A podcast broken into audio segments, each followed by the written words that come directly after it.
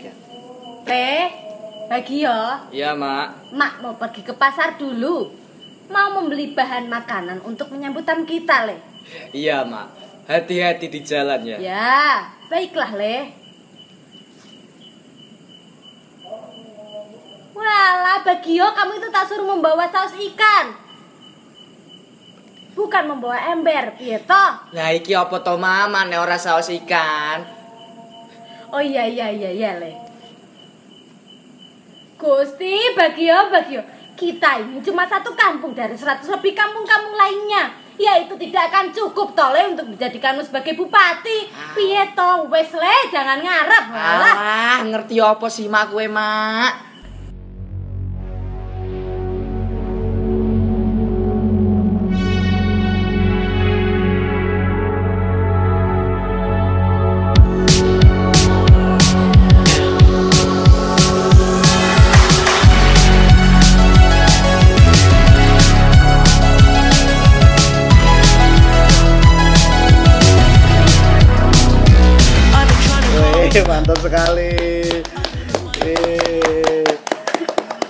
Oke teman-teman semuanya, eh, alhamdulillah udah ada kesempatan untuk tag lagi dan eh, kebetulan eh, di episode kali ini saya mau ngobrol-ngobrol sama orang yang eh, bukan orang tapi komunitas yang ada di kampus saya yang eh, ini kalau ngomongin soal konsistensi gitu kan di zaman pandemi ini kan banyak komunitas-komunitas ataupun pegiat-pegiat eh, di berbagai bidang yang kayaknya vakum gitu, bingung mau bikin karya apa, tapi tidak untuk eh, UKM ataupun komunitas ini. Nah, saya sudah bersama teman-teman teater SK. Kenalan dulu dong, kenalan dulu dong. Dengan caranya masing-masing dari mana aja terserah bebas. Halo guys, saya. Lukman. Di pentas kemarin saya dapat peran sebagai Bagio. Bagio handsome. Bagi your handsome. Oke oke. Lanjut mas. Eh, Oke, saya Madhur M Alif. Ya, saya juga berkesempatan untuk ketemu sama Mas Faris untuk ngobrol-ngobrol terkait proses-proses yang telah kita laksanakan kemarin. Kok terdengar kaku sekali ya. Jadi santai aja mas. Eh, santai aja. Lanjut mbak.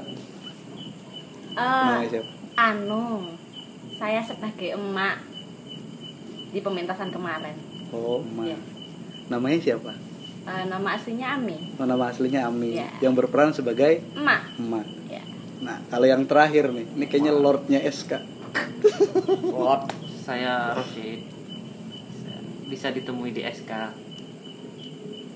Itu aja cukup. Oh itu aja. Iya. Garing sekali. Nah, Saya kira mau ada apa gitu. nggak ada. Iya, iya. Jangan berharap lebih. Eh, eh, kemarin tuh kebetulan SK baru saja melaksanakan studi pentasnya yang keberapa Mas Madur? Yang ke-22. Yang ke-22 ya? Ah, yang ke-22 dan eh, sebagai penonton yang nggak pernah absen nonton SK eh, saya tuh eh, benar-benar terkesan termasuk ke apa namanya ter- khususnya di studi pentas kali ini. Salah satu pentas yang sebelumnya membuat saya terkesan itu adalah pentas s- eh, pentas tiga bayangan. Nah itu kan keren ya, maksudnya setting panggungnya itu tiga gitu. Jadi kita j- sebagai penonton nggak cuman eh, flat nyaks, apa menyaksikan satu panggung aja gitu, tapi ada tiga panggung itu kan bener-bener apa ya eksperimen ataupun kreativitas yang keren banget lah yang di nama apa yang dibuat sama teman-teman SK gitu. Nah di studi pentas yang ke-22 ini yang baru kemarin udah dipentaskan. Nah buat teman-teman yang belum nonton juga nanti kita kasih info gimana caranya buat nonton rekamannya itu punya judul dokter Penyembuh bangsa. Jok dokter penyembuh bangsa. Nah, aku pengen ke siapa dulu ya nanya nih? Ke sutradara eh sutradaranya dulu deh. Mas Madur. Nah, kebetulan pentas ini disutradari sama Mas Madur M Alif. Nah, aku pengen ini dong apa namanya?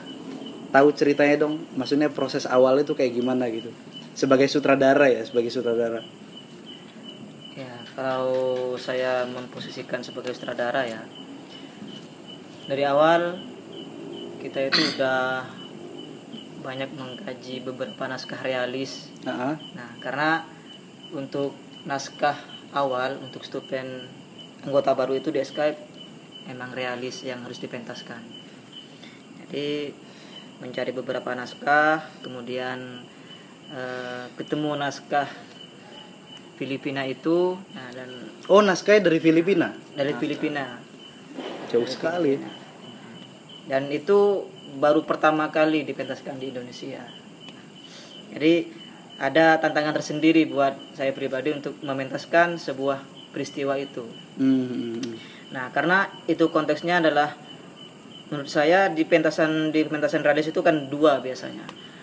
Ada yang eh, realisme sosial, ada yang, yang kedua itu realisme psikologi. Nah, ke- ketepatan yang saya ambil ini adalah terkait dengan realisme sosial.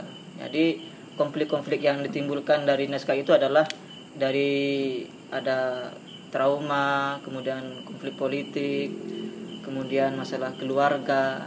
Nah, dengan latar belakang yang menurut saya di Indonesia itu sangat memungkinkan untuk diadaptasi, Ah, maka nah itu menjadi tantangan yang lebih buat saya. Bagaimana mengambil sebuah pementasan, diangkat naskah itu dari Filipina tapi diangkat di Indonesia itu sangat relevan. Jadi konflik yang ada di naskah itu eh, saya kira bukan hanya di Filipina tapi di Indonesia aja juga banyak yang semacam itu. enggak, tapi gini Mas, ngomongin saya kan penonton awam. Datang ke SK tuh cuma pengen nonton dan Oke oke. nggak nggak ini apa namanya nggak tahu konsepnya. Tadi kan Mas Madur nyebutin ada pentas ini adalah pentas realis. Nah, dari yang saya baca dari Google akan ada kan pentas kayak pentas realis, surrealis gitu. Nah itu bedanya apa sih? Oh berarti berarti pentas kemarin itu pentas yang apa nyebutnya itu tipe atau genre genre genre Genre. genrenya realis gitu. Nah itu apa sih maksudnya realis surrealis? Nah, ya. Apa ya realis itu jadi naskah itu peristiwa-peristiwa yang terjadi se- sehari-hari biasa itu realis. Jadi misalkan realis itu selalu diidentik dengan konflik keluarga, konflik politik, kemudian percintaan, pembunuhan. Itu kan eh, peristiwa yang terjadi sehari-hari di, Oh, di berarti ki- diangkat dari kehidupan sehari-hari terus apa namanya ya di diolah jadi jadi sebuah Nah, naskah sebuah drama naskah. gitu ya. Nah, tapi di realis itu adalah naskah realis itu itu kan naskah tahun 2010-an. 2010 nah, ya. 2010-an. Ah. Nah, tapi dipentaskan di zaman sekarang ini du- 2020, nah, tidak harus apa tidak harus pada waktu itu. Oh Nah, gitu. tapi naskah realis itu naskah lama, Tapi bisa relevan. tapi bisa gitu. relevan di zaman sekarang itu masih bisa Oh berarti ti- apa namanya ciri khasnya dari naskah realis tuh bisa ditampilkan kapan pun gitu bisa tahun. ditampilkan kapan Misalkan eh, naskah yang yang menceritakan kehidupan katakanlah zaman 80-an gitu ataupun yang lebih lama lagi. Berarti bisa tetap relevan eh, dipentaskan hari ini karena eh, skenario nya itu ya diangkat dari kehidupan sehari-hari kayak gitu. Jadi itu peristiwa yang betul-betul ter- terjadi. Betul-betul terjadi. itu. Ya seperti kita sekarang inilah. Ah. Ini kan realis. Oh, ini Ini realis. Nah ini kemudian ini kan cuman sekedar ngobrol. Ah. Nah tapi ketika dipentaskan, Hah? nah itu disebut dengan pentas realis. Oh, pentas realis. jadi perbedaannya itu apa antara pentas realis sama non realis atau Ah. surrealism gitu ya. Surrealism. surrealis itu perbedaan yang paling mencolok adalah kalau di pementasan non realis itu menggunakan simbol-simbol Hmm, simbol-simbol Yang surrealis itu Yang pakai simbol-simbol. kalau yang realis ya kenyataan kenyataan itu dipindahkan aja di ah. di panggung gitu. Oke oke. Nah, oke itu apa soal pemilihan cerita ya. Jadi kan kemarin kita seber, sempet sempat ngobrol off air juga kan ngomongin soal eh, abis pementasan terus kita ngobrol-ngobrol sama Mas Madur sama si Rosid juga nih gitu dan yang aku kaget satu pertama ternyata itu aku kira gitu. Semua pementasan SK itu original gitu. SK yang nulis kan keren sekali ya gitu. Kayaknya ini dipikirkan sama kalian semua penonton SK gitu kan. Nah ternyata itu hasil dari adaptasi gitu. Hasil dari adaptasi dan nggak nggak tanggung tanggung adaptasi dari Filipina gitu. Ya yang yang aku pikirin ya ternyata sejauh itu gitu loh penjelajahannya. Ya khususnya Mas Madur gitu sebagai sutradara. Nah eh, kalau itu soal naskah kalau soal proses pemerannya nih maksudnya castingnya gitu. Secara eh, buat yang belum tahu juga gitu studi pentas itu eh, satu apa ya garapan ya project yang digarap sama ya anak-anak baru gitu yang baru oprek gitu mahasiswa-mahasiswa baru ya kan. Yang ya yang yang apa masih semester 1 yang masih semester 3 gitu di di SK gitu dan di digarap sama maksudnya di diperankan sama mereka gitu. Nah di sini kan udah ada emak yang memerankan eh Mbak Ami yang memerankan emak gitu. Kayaknya nggak bisa lepas dari peran ya. Ngomongnya aja udah udah kayak menjiwai gitu. Terus ada pemeran utamanya nih Bagio. Mas Lukman Hakim sebagai Bagio. Bisa cerita nggak? Siapa dulu nih yang mau cerita nih? Prosesnya prosesnya dari awal ketika ditawarkan sama Mas Madur nih sebagai sutradara nanti kita pentasnya ini ya gitu ya Madul yang, Iya, yang Madul. lebih tua Jadi kan eh, biasanya itu dikasih naskah dulu Ah. sama pihak apa namanya Pihak pengurus, berwajib. ah, yang yang ngurus lah ya. terus bedah naskah, terus ada reading. Ah. gitu. Eh, habis habis setelah itu proses-proses itu bedah naskah, reading dan lain-lain, eh, itu langsung apa ya? Kan proses reading itu pen- kayak mencari apa ya? sutradara itu mencari mana yang Casting. cocok Oh, kayak casting, casting, gitu, ya, ya, paham. itu Jadi semuanya dikumpulin untuk baca naskahnya dulu, tapi belum di apa kayak belum dipilih-pilihin gitu loh. Kamu Ah-ah. perannya ini, Dan cuman cuman baca dulu aja. cukup lama Oh gitu. Itu Enggak. berapa lama tuh?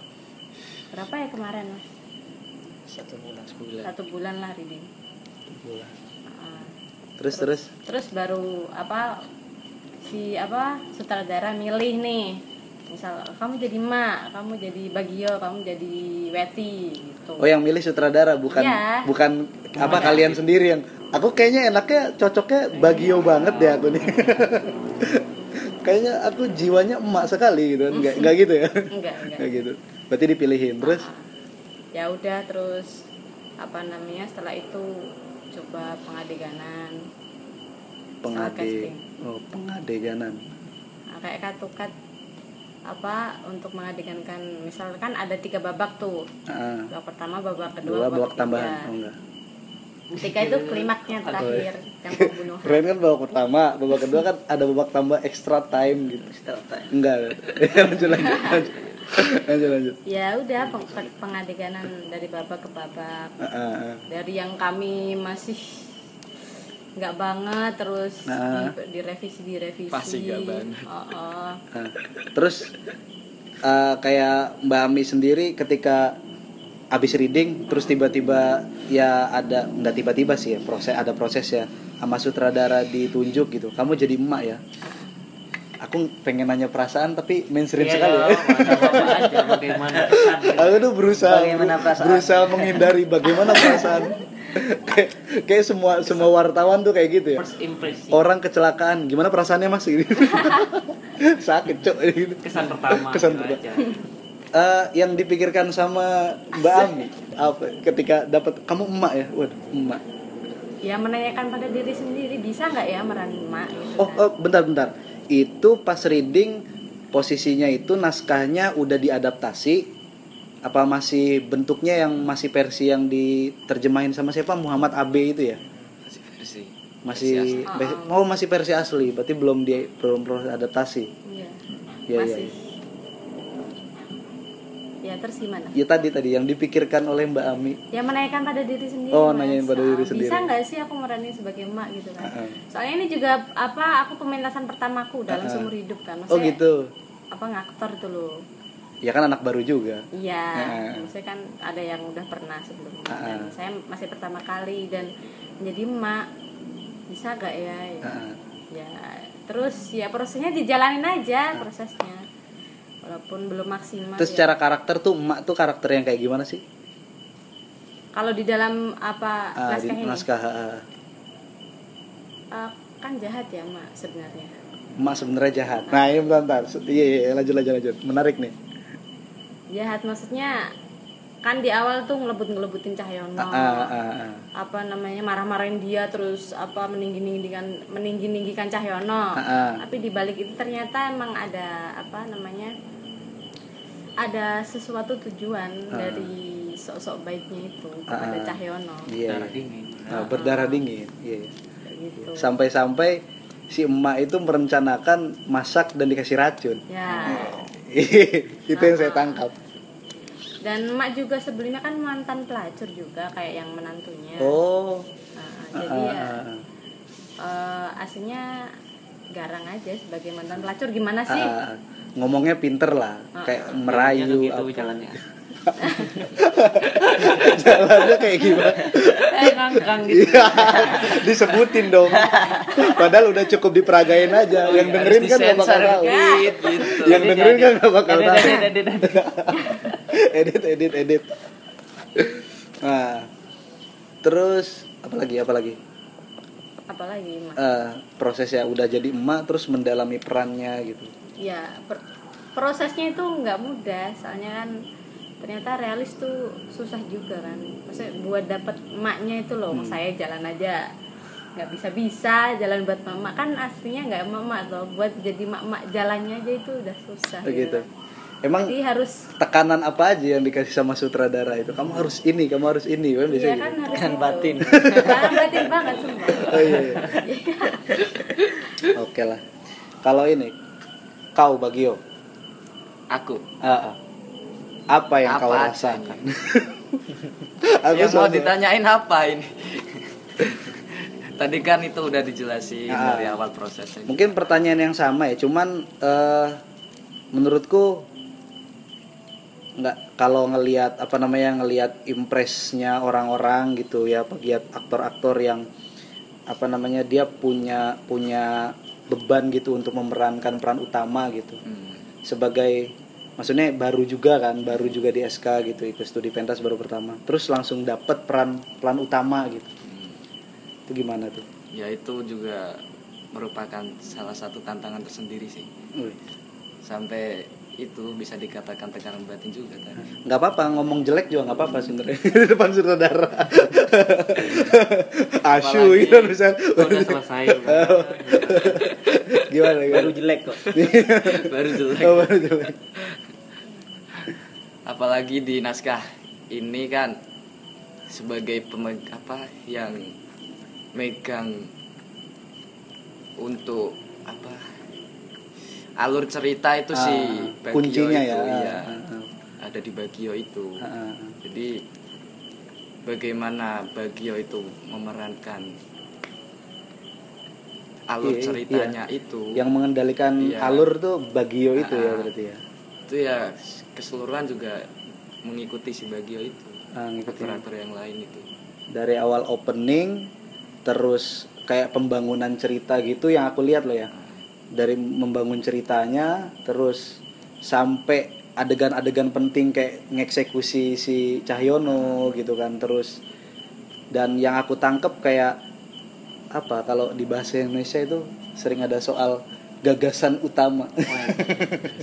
Gagasan utama dalam pementasan itu ya kayaknya Bagio yang megangnya nggak sih? Iya. Nah itu kan otomatis dapat dialog paling banyak dong dan Iya. itu harus dihafal bukan cuman dialognya tapi gesturnya, mimiknya, gerakannya, mu- apa move dari satu tempat ke tempat yang lain itu gimana tuh prosesnya?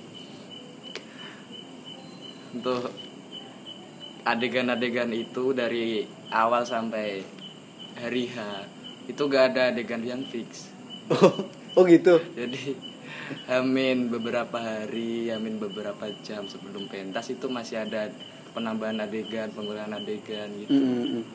Adegan yang dirubah itu ada. Mm, mm. Itu merupakan tekanan batin juga itu Iya, iya. Ya ngomong-ngomong soal tekanan batin kan, ini kan pentas ini kan dilaksanakan di ini ya, apa namanya di situasi yang nggak biasa gitu, lagi pandemi, kampus juga tutup gitu kan, online, ser eh serba online gitu kan. Terus kayak kegiatan-kegiatan mahasiswa juga kayaknya ya sepi gitu loh di kampus. Biasanya kan kalau kita malam nih di kampus kan suka ada yang ya apa rame lah lah kampus UIN tuh hidup nggak kayak kampus lain gitu. nah aku pengen ke Palura gitu. Wow. Palura seperti apa? Pak? Kemarin kan rencananya pengen pengen melakukan pen- pentas offline gitu kan. Terus orang-orang pada beli tiketnya pre-order gitu. Eh pre-order apa? Present Pre-sale, pre-order. Kaos kali pre-order. Pre-sale kan.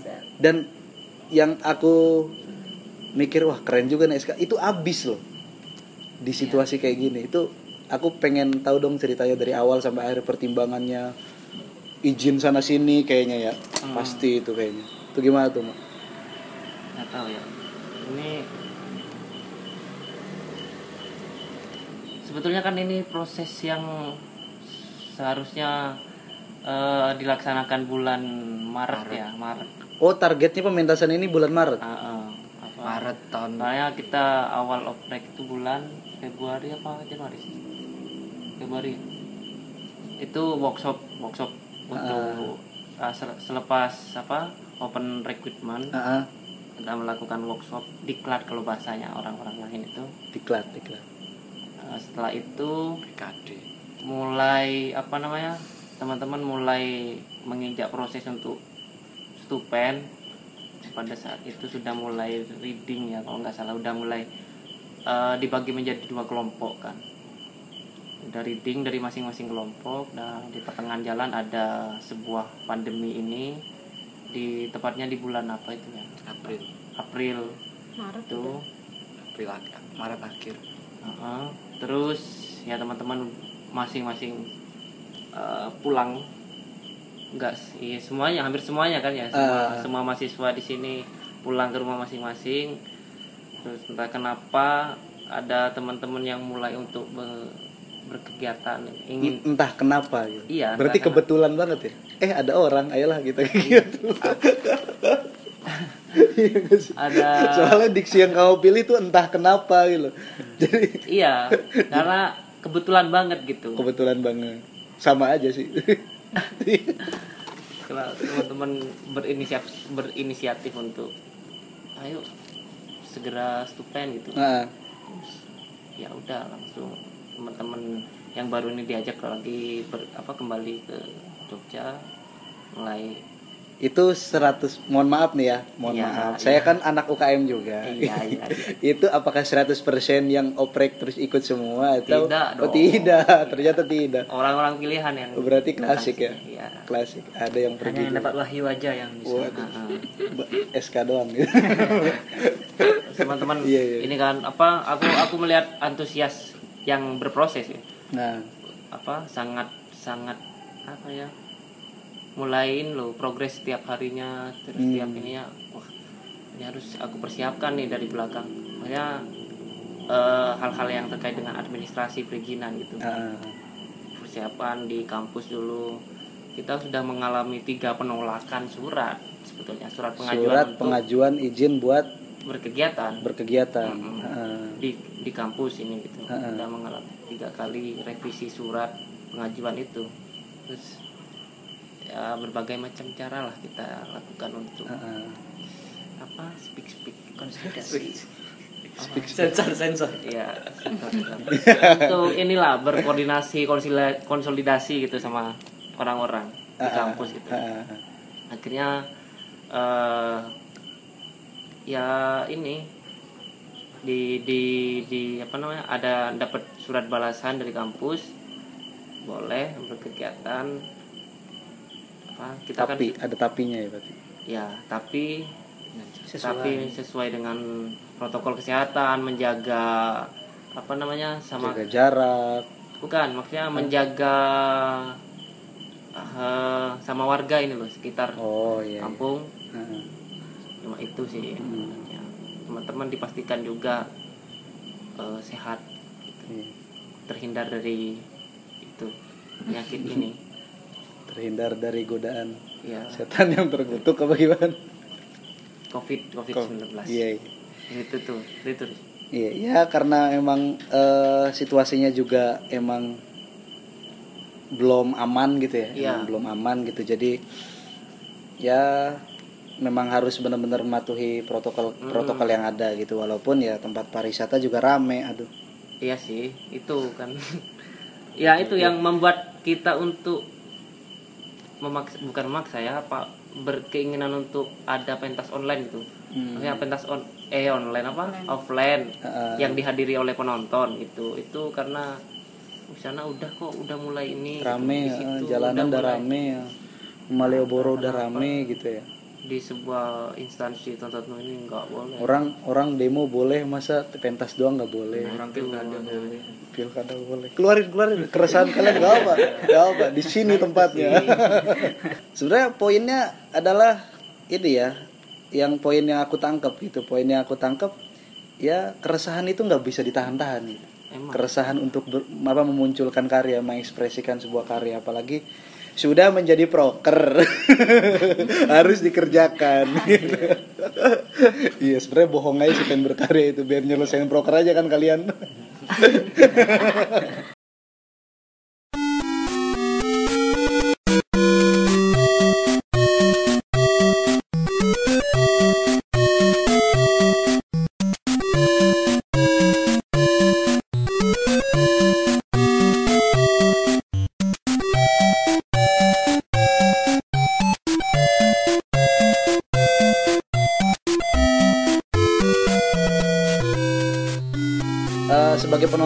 yang dinikmati itu cuman pementasannya.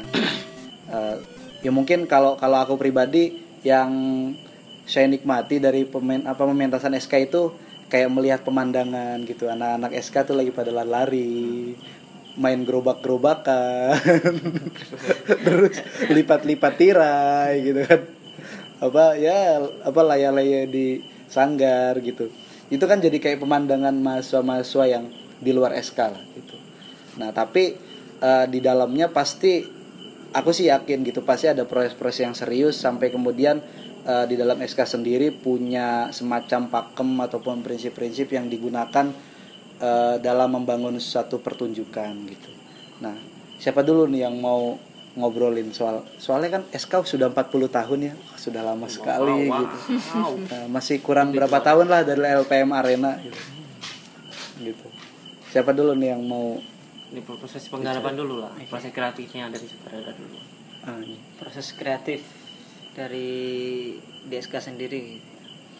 Nah, sebenarnya aku mengaca dari awal pintu masuk.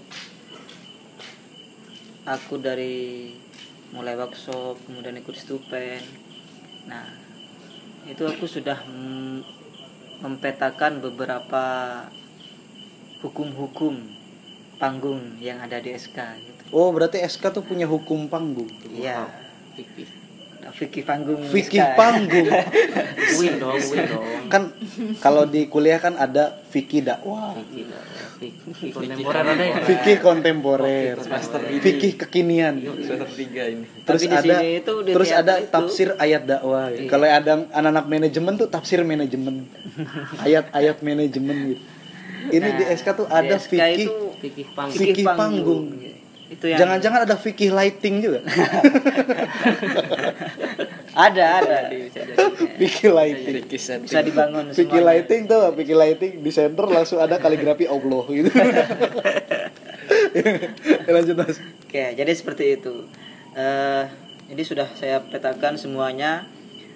Aku kan sudah mengetahui bahwa teater itu ya awalnya pikiranku hanya seperti ini. Eh. Teater-teater luar tuh seperti ini. Ya biasa kalau kita realis ya apa pegangan kemudian untuk membuat sebuah adegan yang realis betul-betul realis itu harus di apa di memperagakan dengan realis mungkin tapi di SK seril mungkin Seril gitu. mungkin. Ah. tapi di SK itu nah kita sudah membedakan ideologi yang beda dengan teater-teater yang lain gitu. Nah, jadi kita mencari bentuk bagaimana kita memunculkan eh, apa garapan atau adegan yang realis itu. Nah, tapi kita tidak apa tidak bersentuhan, tidak menampakkan hal-hal yang membuat orang apalagi ini di UIN ya penontonnya Iya. itu udah kayak apa ini sih? Jadi meskipun keinginannya itu pengen realis tapi itu di tontonan masyarakat itu udah kayak sesuatu yang nggak layak dipertontonkan di di pertunjukan ini Iya iya iya. Iya iya aku mikir-mikir kalau dipikir-pikir juga setiap kali aku nonton pementasan SK itu hampir hampir nggak ada atau bahkan nggak ada gitu adegan-adegan yang Bersentuhan yang tangan. iya iya, yang yang memperagakan gitu bersentuhan tangan apa se- eh sesama jenis enggak apa lawan, Lawan jenis jenis. lawan jenis sesama jenis mah tidak apa-apa ya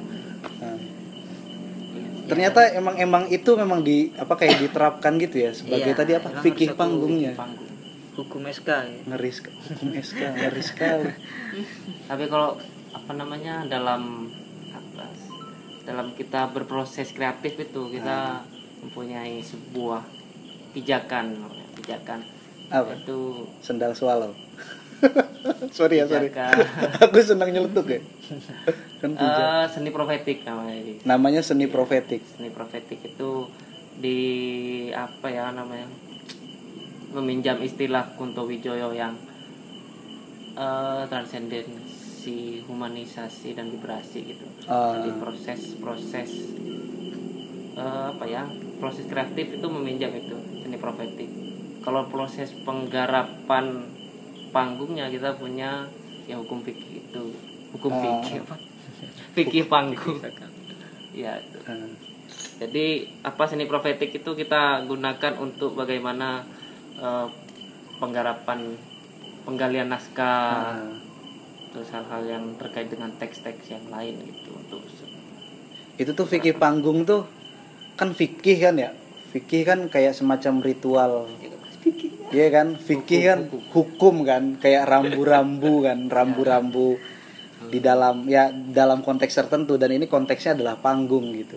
Dan itu kan artinya berlaku toh sama eh, semua tim yang yang yang apa namanya yang bekerja lah katakanlah bertugas di pementasan itu Eh, entah sutradaranya gitu ataupun apa aja sih strukturnya kalian kalau mau pentas sutradara, Sutradara, strada, astrada, aktor, aktor, musik, musik, artistik, artistik, lighting lighting, setting, setting, setting, pimpinan produksi. pimpinan produksi. Nah, berarti kan berlaku ke semuanya itu ya. Benar. Eh, aku pengen ngebelokin takut nggak lucu sorry. berarti kan berarti kan ini ya eh, berlaku buat semua tadi tuh struktur yang ada di dalam pementasan. Nah, kalau ya di sini kan sutradara, terus kamu jadi apa sih Enggak jadi apa-apa. Oh, di di mana sih? di pementasan itu? Yang kemarin Nah, sutradara kamera sutradara ini bahasanya teman-teman sutradara multimedia. multimedia berarti. Karena kan ini eh, pementasannya juga Daring, seca- daring. virtual ya, Virtual, virtual. daring. Nah, Dan juga ada aktornya nih si Mbak Ami sama Mas Lukman. Nah, ritual-ritual ataupun briefing yang di yang diarahkan gitu itu gimana tuh? Selain selain pada prakteknya ya di setiap adegan gak ada bersentuhan atau kan fikih gitu misalkan Iya. sebelum baca dialog ya wudhu dulu gitu. Nah, itu kita- harus dalam keadaan suci misalkan Nah hal-hal yang itu kan terkait dengan ini ya apa ya kalau apa ya kalau dalam prakteknya itu loh dalam prakteknya gitu ah, ah. emang emang tidak dijelaskan secara Detail. detail fikih kita punya fikih panggung ini ah. itu apa ya terjawab oleh teman-teman yang berproses berproses Ah, ah. apa ya rambu-rambunya emang sutradara gitu loh Ah. rambu-rambu fikih panggung itu Ah. Lah gimana, gimana Mas Madur? Sebagai sutradara itu kayak nyeting jangan apa kan pasti kemungkinan kemungkinan eh, menerapkan adegan yang yang ka- ka- apa namanya yang re- yang real karena ini juga pentasnya pentas realis itu kan pasti ada. Cuman menampik itu gimana caranya? Wah ini nggak apa namanya biar sesuai dengan fikih panggungnya SK tadi. Ya sebenarnya itu ya yang menjadi semakin berkembangnya ide kreatif proses di SK itu itu sebenarnya Eh, jadi sudah bisa membedakan bahwa proses kreatif itu tidak melulu dengan yang kita lihat di teater-teater pentas realis yang lain gitu. Nah, tapi kita bisa membelokkan asumsi itu ke asumsi yang lain bahwa SK ini juga bisa seperti itu. Seperti itu. bisa. Bisa mementaskan sebuah naskah Filipina Ha-ha. dan itu isinya yang ya, mana Filipina kan kebebasan Iya, berekspresi banget lah ya. banget kemudian aktor-aktornya yang apa karakter di naskah itu juga ya mohon maaf ya kayak penjahat pencuri Pelacur. pelacur nah kayak gitu nah tapi di SK itu nah kita tidak menghilangkan karakter-karakter di naskah itu tapi dengan tetap menggunakan fikih panggung yang ada, yang ada di SK gitu. Ah, ah. Misalkan bagaimana menggambarkan sebuah apa seorang pelacur, nah dengan tetap menutup rambut, menutup aurat kalau cewek ya. Iya kalau Tetap kayak gitu. apa kayak pemeran Heeh. pemeran yang ceweknya itu tetap pakai hijab Iya. gitu, tapi hijabnya di di apa namanya di Ya, di- kamuflasekan ke dalam bentuk rambut gitu ya.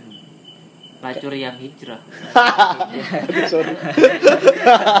lah iya menuju Pelacur. jalan yang baik Eh, Karena sudah berkeluarga dengan bagio gitu kan. Iya. Iya. pelacur syar'i Waduh, pelacur sari apalagi. Ya, alasan-alasan seperti itu ya gampang ditemukan lah Ah. ketika apa waktu-waktu proses itu. Ya, arti- artinya udah bukan jadi tantangan yang rumit buat proses DSK. Berarti prosesnya itu di mana? Maksudnya pasnya itu pas pengadaptasian naskahnya atau langsung di adegan-adegannya gitu. Nah, langsung di adaptasinya itu biasanya. Oh. Karena kan kita uh, Penulisan ulang naskahnya itu ya dia Ah. ya, dari. itu penulisan penulisan ulangnya aku langsung nulis sendiri, kemudian disetor, dibagikan ke para pemain, kemudian dibedah lagi, bedah lagi. Kemudian diadaptasi secara detail mungkin, detail mungkin sampai musik-musiknya, kemudian aktor-aktornya juga. Dan kalau nggak salah Observasinya itu udah udah lebih mendalam lagi ketika apa masuk pada tahapan naskah yang sudah diubah gitu.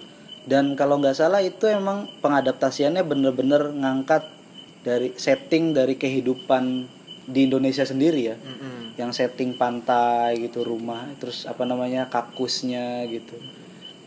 Terus Nah, itu yang ada keran bisa keluar air tuh keren sekali. lah itu emang di Rembang kok itu. oh, iya. oh itu di Rembang. tahu aja yang di rasanya di Gelanggang Yang aku kerasanya emang kayak anjir nih pasir beneran kan ya? Pasir beneran. Wah gila sekali sih. itu nggak nanggung-nanggung pasirnya, pasir merapi itu. Pasir Merapi. Iya, iya. Oh kirain pas, pasir Gajah Wong. pasir merapi yang Oh. di bawah air ke Gajah Wong. Tapi iya iya iya. Tapi kan itu settingnya pantai. Kenapa nggak pasir Parangtritis gitu? wow wow kenapa Tapi wow? rata-rata pesisir yang ada di Rembang ini kan latarnya di bawah ke Rembang. Oh, iya. Itu pasirnya emang kebanyakan pasir hitam. Oh pasir hitam. Oh iya pantai Pantura ya. Iya. Pantura itu Nah, silakan anda mencari pantai Pantura yang pasirnya putih seperti Gunung Kidul. Ada di ini Karimun Jawa. Oh iya. kan utara tuh, iya kan. Ah, Tapi kalau terkait dengan apa pemilihan-pemilihan, bagaimana kita menghadirkan sebuah eh, setting sedemikian rupa, seril mungkin, serealis mungkin. Hmm. Nah itu juga memiliki proses yang panjang gitu. Artinya kita masuk pada proses penggarapan kreatif itu bukan hanya sekedar bagaimana kita memainkan naskah gitu. hmm. Nah, tapi bagaimana kita juga menghadirkan apa latar belakang yang timbul di konflik itu. Misalkan kayak di naskah itu membicarakan soal konflik eh, politik dari dat- latar ekonomi yang rendah gitu. Ah, ah. Nah, jadi itu juga men- menjadi acuan bagaimana di Indonesia juga banyak konflik-konflik semacam itu. Nah, jadi kita adaptasinya itu lebih mendalam lagi. Dan seandainya, aku sih mikirnya gini, seandainya kalau misalkan ini sesuai target pementasannya Maret, kayaknya kalau buatku sendiri itu nggak relate, nggak relate dalam artian nggak relate sama yang akhir-akhir ini terjadi di Indonesia. Hmm, kamu nge- ngelihatnya apa berarti? Ya ya Judul? ini apa enggak enggak enggak. Dari isi ceritanya. Oh isi cerita. isi ceritanya itu entah ya aku aku jujur nggak punya pengalaman kayak gitu gitu. Entah di kampungku entah di Oh. kampung orang atau dapat cerita kayak gitu. Cuman situasinya itu pas kemarin ya tanggal 30 sa- Satu. tanggal 1 Desember ya kemarin ya? Ah, pentas ya tanggal 1 Desember itu dipentaskan itu kan relate banget karena ketika tanggal 1 pentas 8 hari lagi kan di Indonesia akan mengadakan ini. Pesta politik. Eh, eh, pesta politik, pesta demokrasi gitu. Dan apa namanya skenario ataupun jalan cerita yang ada di dalam pementasan itu, aku sih ngerasa gitu, kayak semacam mengkritik gitu loh. Situasi yang akhir-akhir ini terjadi. penonton yang sampai berarti. Itu. Nah, nah, apalagi apalagi sukses berarti sukses berarti ya, sukses lah. karena pesannya na- nyampe Ah, situasi. Ya, aku aku membayangkan kalau misalkan itu justru pentasnya Maret. Kayaknya jauh deh, maksudnya kan Iya. masih jauh gitu relate-nya gitu.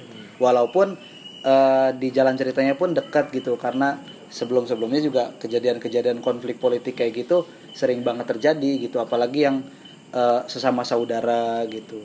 Nah, ngomongin masuk ke dalam dalam ceritanya, aku tuh kayak nangkep simbol-simbol yang ada deh dari dialog-dialog yang ada di dalamnya. Ya, itu sebenarnya yang menjadi apa sesuatu yang penting Ah, di setiap pementasan SK gitu. berarti simbol-simbol yang simbol-simbol yang dihadirkan, kemudian yang ditawarkan terhadap penonton itu emang harus kita tuh mengajak bagaimana penonton juga berpikir. Jadi kita tidak mementaskan sesuatu yang ya bisa jadi itu tidak logis secara langsung Ah, gitu, ah, ah. tapi masih bisa diraba oleh penonton. Hmm. Nah, hal yang kayak gitu. Nah, contohnya kan ini. Kita menggarap semua aktor itu yang aktor utama di naskah itu kan itu latar belakangnya adalah seorang yang tidak berpendidikan, ekonominya rendah. cuman si Cahyono doang ya? Hmm. Tapi di balik latar belakang itu, Ha. nah mereka juga membi- membicarakan sesuatu yang penting gitu. Ha. Apalagi terkait dengan dunia politik. Bahwasanya ya meskipun kita bersaudara, nah tapi ya politik itu akan lebih kejam ke- dibandingkan persaudaraan ini. gitu. Ah. Nah, jadi dialog-dialog dan apa diksi-diksi yang digunakan oleh aktor-aktor itu, nah itu juga menggambarkan bagaimana seorang yang tidak berpendidikan tapi melihat eh, tapi bahasanya tinggi, eh, bahasanya tinggi, kesadarannya udah ke mana-mana konflik-konflik di di negara kita yang seperti ini, orang awam aja akan bisa meraba konflik-konflik itu gitu. Ah. Apalagi orang yang sudah berpendidikan. kalau ini Mbak Ami sama Mas Lukman nih nangkep nggak dari dialog-dialognya kayak pas kan pasti ngafal tuh ngafal dialognya apa apa namanya yang panjang-panjang itu kayaknya saya susah juga itu ngafal itu nangkep nggak? Oh ternyata saya harus apa namanya dapat dialog yang kayak gini dan nya- menyadari nggak gitu?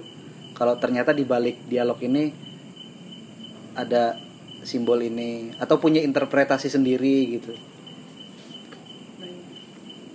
Contoh kalau Iya. kalau itu contohnya di mana tuh? Kalau aku sih nangkep kan soalnya pasti tiap aktor itu ini ya apa bedah naskah sendiri ya Ah, ah. Nah, itu ya pasti di saat bedah naskah itu pasti ada ada menemukan hal-hal yang Kayak apa tuh kayak misalnya? simbol-simbol baru gitu Kayak apa tuh Ya, misalnya? misal si kalau dari awal itu aku udah tahu kalau si Weti niat si Bagio nyuruh Weti memberikan suguhan berupa jus, Jus, itu eh. untuk meracuni si Cahyo itu. di pa- di pantai tapi disuguhin jus ya. Ah, ah. Jarang sekali. Iya, iya. Nah, itu yang kita cari. Ah, di pantai tapi disuguhin jus gitu. Harusnya apa ya? es degan. Es degan. Ya, di pantai di Rembang lah ya kan. Kok jus. Ah, pakai es. Jas lah. jus itu maksudnya. Oh, jas jus. Oh, nyebut merek ya. Wow, sensor editor, editor. Jas jus gratis, besok nanti bayar. Kalau ini Mbak Ami sendiri, Mbak Ami sendiri Ya hampir sama sih sama Bang. hampir sama. Ah. Maksudnya, Betul.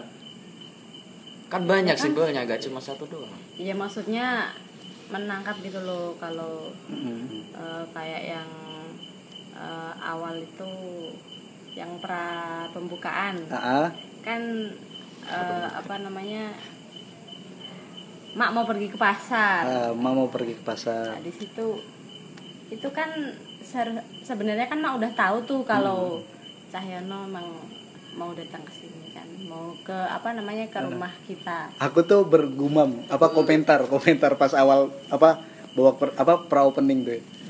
Ngelihat emak sama Bagio. Komentarku tuh anjir gitu doang sih emak. Maksudnya ngeluarin dialog kayak gitu habis itu pergi. Habis itu kan lama kan nggak nggak apa nggak masuk lagi gitu. Ayo enak banget nih. nunggunya bikin ngantuk iya. Eh, oh ngantuk. ya kan kalau nunggu bilang. Nah, kayak aku tuh nangkep satu simbol yang eh, ya, yang berhasil aku tangkep lah kayak eh, di satu adegan si Bagio itu di tengah obrolan sama Cahyono kan bawa pancingan. Iya. Nah, pancingan terus pergi terus tanya sama Cahyono mau ke mana? Kamu mau mancing? Mana umpannya? Gitu. Nggak ada umpannya gitu. Terus dia bilang apa si Bagio tuh bilang ya bukankah dulu kita sering gitu kan mancing tanpa umpan karena kamu sama cacing aja takut gitu kan. Aku tuh kayak nangkep gitu memancing tanpa umpan. Ya si Bagio itu orang miskin tidak berpendidikan terus nyalon bupati ya memancing tanpa umpan namanya gitu. Iya nggak apa salah saya iya. iya iya Bisa, bisa. bisa ya makna tersirat Tapi ada yang apa? Ada dari dibalik semua itu ada sebuah suspense yang disembunyikan. Kira-kira? Mas Faris itu sebagai penonton Wah, kok tanya saya? nangkep apa enggak gitu? apa sus- suspense Suspense ya, kejutan-kejutan yang tidak ditimbulkan dari itu. kejutannya yang saya tang- tangkap ternyata masing-masing karakter itu sudah menyiapkan skenario pembunuhannya sendiri-sendiri terhadap si Cahyono ya nggak? Hmm. kayak Ma udah nyiapin masak apa saus tiram, Iya. Eh, tiram di Rembang masak tiram juga ya? Ya kan di laut. Oh di laut. Terus eh, si siapa namanya? Betty Weti. emang dari jusnya itu kan dari awal dia udah nyiapin racun. racun gitu. Terus si siapa namanya Cahyono tuh emang udah kayak menduga juga kalau dia tuh emang bahaya gitu loh. Apa nyawanya juga terancam akhirnya dia ketika disuguhin berusaha diare. untuk nolak dan kayak sedia obat anti sembelit gitu kan. Ada diare. Anti diare. Ya sembelit kan diare. Kalau ba ya Bagio kan se- eksekutornya nah kalau si bapak itu nggak tahu tuh dia dia menyiapkan skenario nya nggak skenario pembunuhannya? Ya, dia ikut aja. mabok. Yang penting dia ada minuman. iya doang. kayaknya peran paling enak dia cuman cuman mungkin tantangannya sama gerakan-gerakannya itu yang iya. iya gitu gitu gitu gitu Tapi ya itu apa konflik di balik semua itu sebenarnya kan itu ini tak buka ya, tak buka ya. oh ya bu nggak apa-apa. Di podcast kata pemuda. Iya. Yang penting karena ini di podcast kata salah pemuda, sendiri anak arena. Dia tidak riset dulu gitu. Iya udahlah. Nggak mau nyindir arena. Eh, lanjut. Katanya media partner. Katanya media partner satu berita doang. Pemalas. Lanjut lanjut. Ya gitu. Eh, jadi semua permainan yang dimainkan oleh Bagio itu adalah rencana awal dari wali kota bupati yang yang sedang menjadi bupati sekarang di naskah itu. oh Nah, jadi kenapa Bagio itu mencalonkan sebagai bupati? Ya karena itu hanya di- di- dijadikan sebagai calon boneka saja oleh bupati. kan ada di, di dialognya Cahyono itu Nah, iya iya iya iya iya. Jadi semua perencanaan itu adalah direncanakan dalangnya Nah, bupati. dalangnya bupati yang itu. Nah, karena si Cahyono ini juga mau mencalonkan sebagai bupati. iya iya iya Iya. Nah, kemudian eh, dalam permainan di situ ya namanya juga Cahyono juga menginginkan kebenangan ya di, Ah, ah. di dalam kontestasi dunia politik ya sampai mereka sampai dia mau menyogok menyogok Bagio. Nah, dia mau menyamakan seberapa jumlah yang diberikan oleh bupati terhadap Bagio. Dia juga ingin menyamakan. artinya semua tokoh yang ada di pementasan itu tuh nggak ada protagonis nggak ada antagonis ya? Semuanya itu emang abu-abu ya? Ya bisa ditangkap sendiri lah iya abu-abu gitu. Eh, si Cahyono yang yang secara kasat mata kan kita bisa tangkap. Cahyono kan yang anak asli situ terus merantau terus dia kayak nggak mau balik lagi ke kampung situ karena merasa udah sukses udah jadi dokter gitu kan terus di bener-bener banyak digugat kan sama si Bagio itu kan. Kamu gimana ini, sekarang doang pas mau nyalonin gitu kan baru datang lagi gitu. Tapi ternyata di balik itu dia juga jadi saingannya bupati gitu ya. Ya itu kontestasi dunia politik itu nggak akan pernah habis sampai sekarang gitu Ah, bahkan dengan terbunuhnya enam orang. Terbunuhnya enam orang. Ya itu tidak lepas dari dunia politik semua. Ah. nah terakhir yang menurutku gelap banget gitu. Lucu tapi gelap gitu loh. Ini semua tokoh pas Cahyono abis di apa habis eksekusi itu ngumpul depan rumah ngobrol. Bagaimana rasanya membunuh saudara sendiri bajingnya ada lihat asli ini ini adegan macam Iya. apa ini Pembunuhan berencana. pembunuhan berencana Iya. gitu loh kerja kelompok kerja kelompok satu keluarga lagi oke mungkin eh, gitu aja ya eh, ngobrol-ngobrol sama teman-teman eh, teater SK yang tadi udah ngomongin banyak hal soal eh, teater SK dan pementasan kemarin terima kasih Mas Bagio, Ya, Mas. Madur, Oke. Mbak Ami, Derosit ya. Iya. udah mau ngobrol-ngobrol di podcast Sarah Muda. Uh, makasih teman-teman semua yang udah dengerin. Kalau teater SK itu teater beneran, podcast Sarah Muda itu teater of mind. Sampai jumpa di episode selanjutnya. Oh, teater of mind.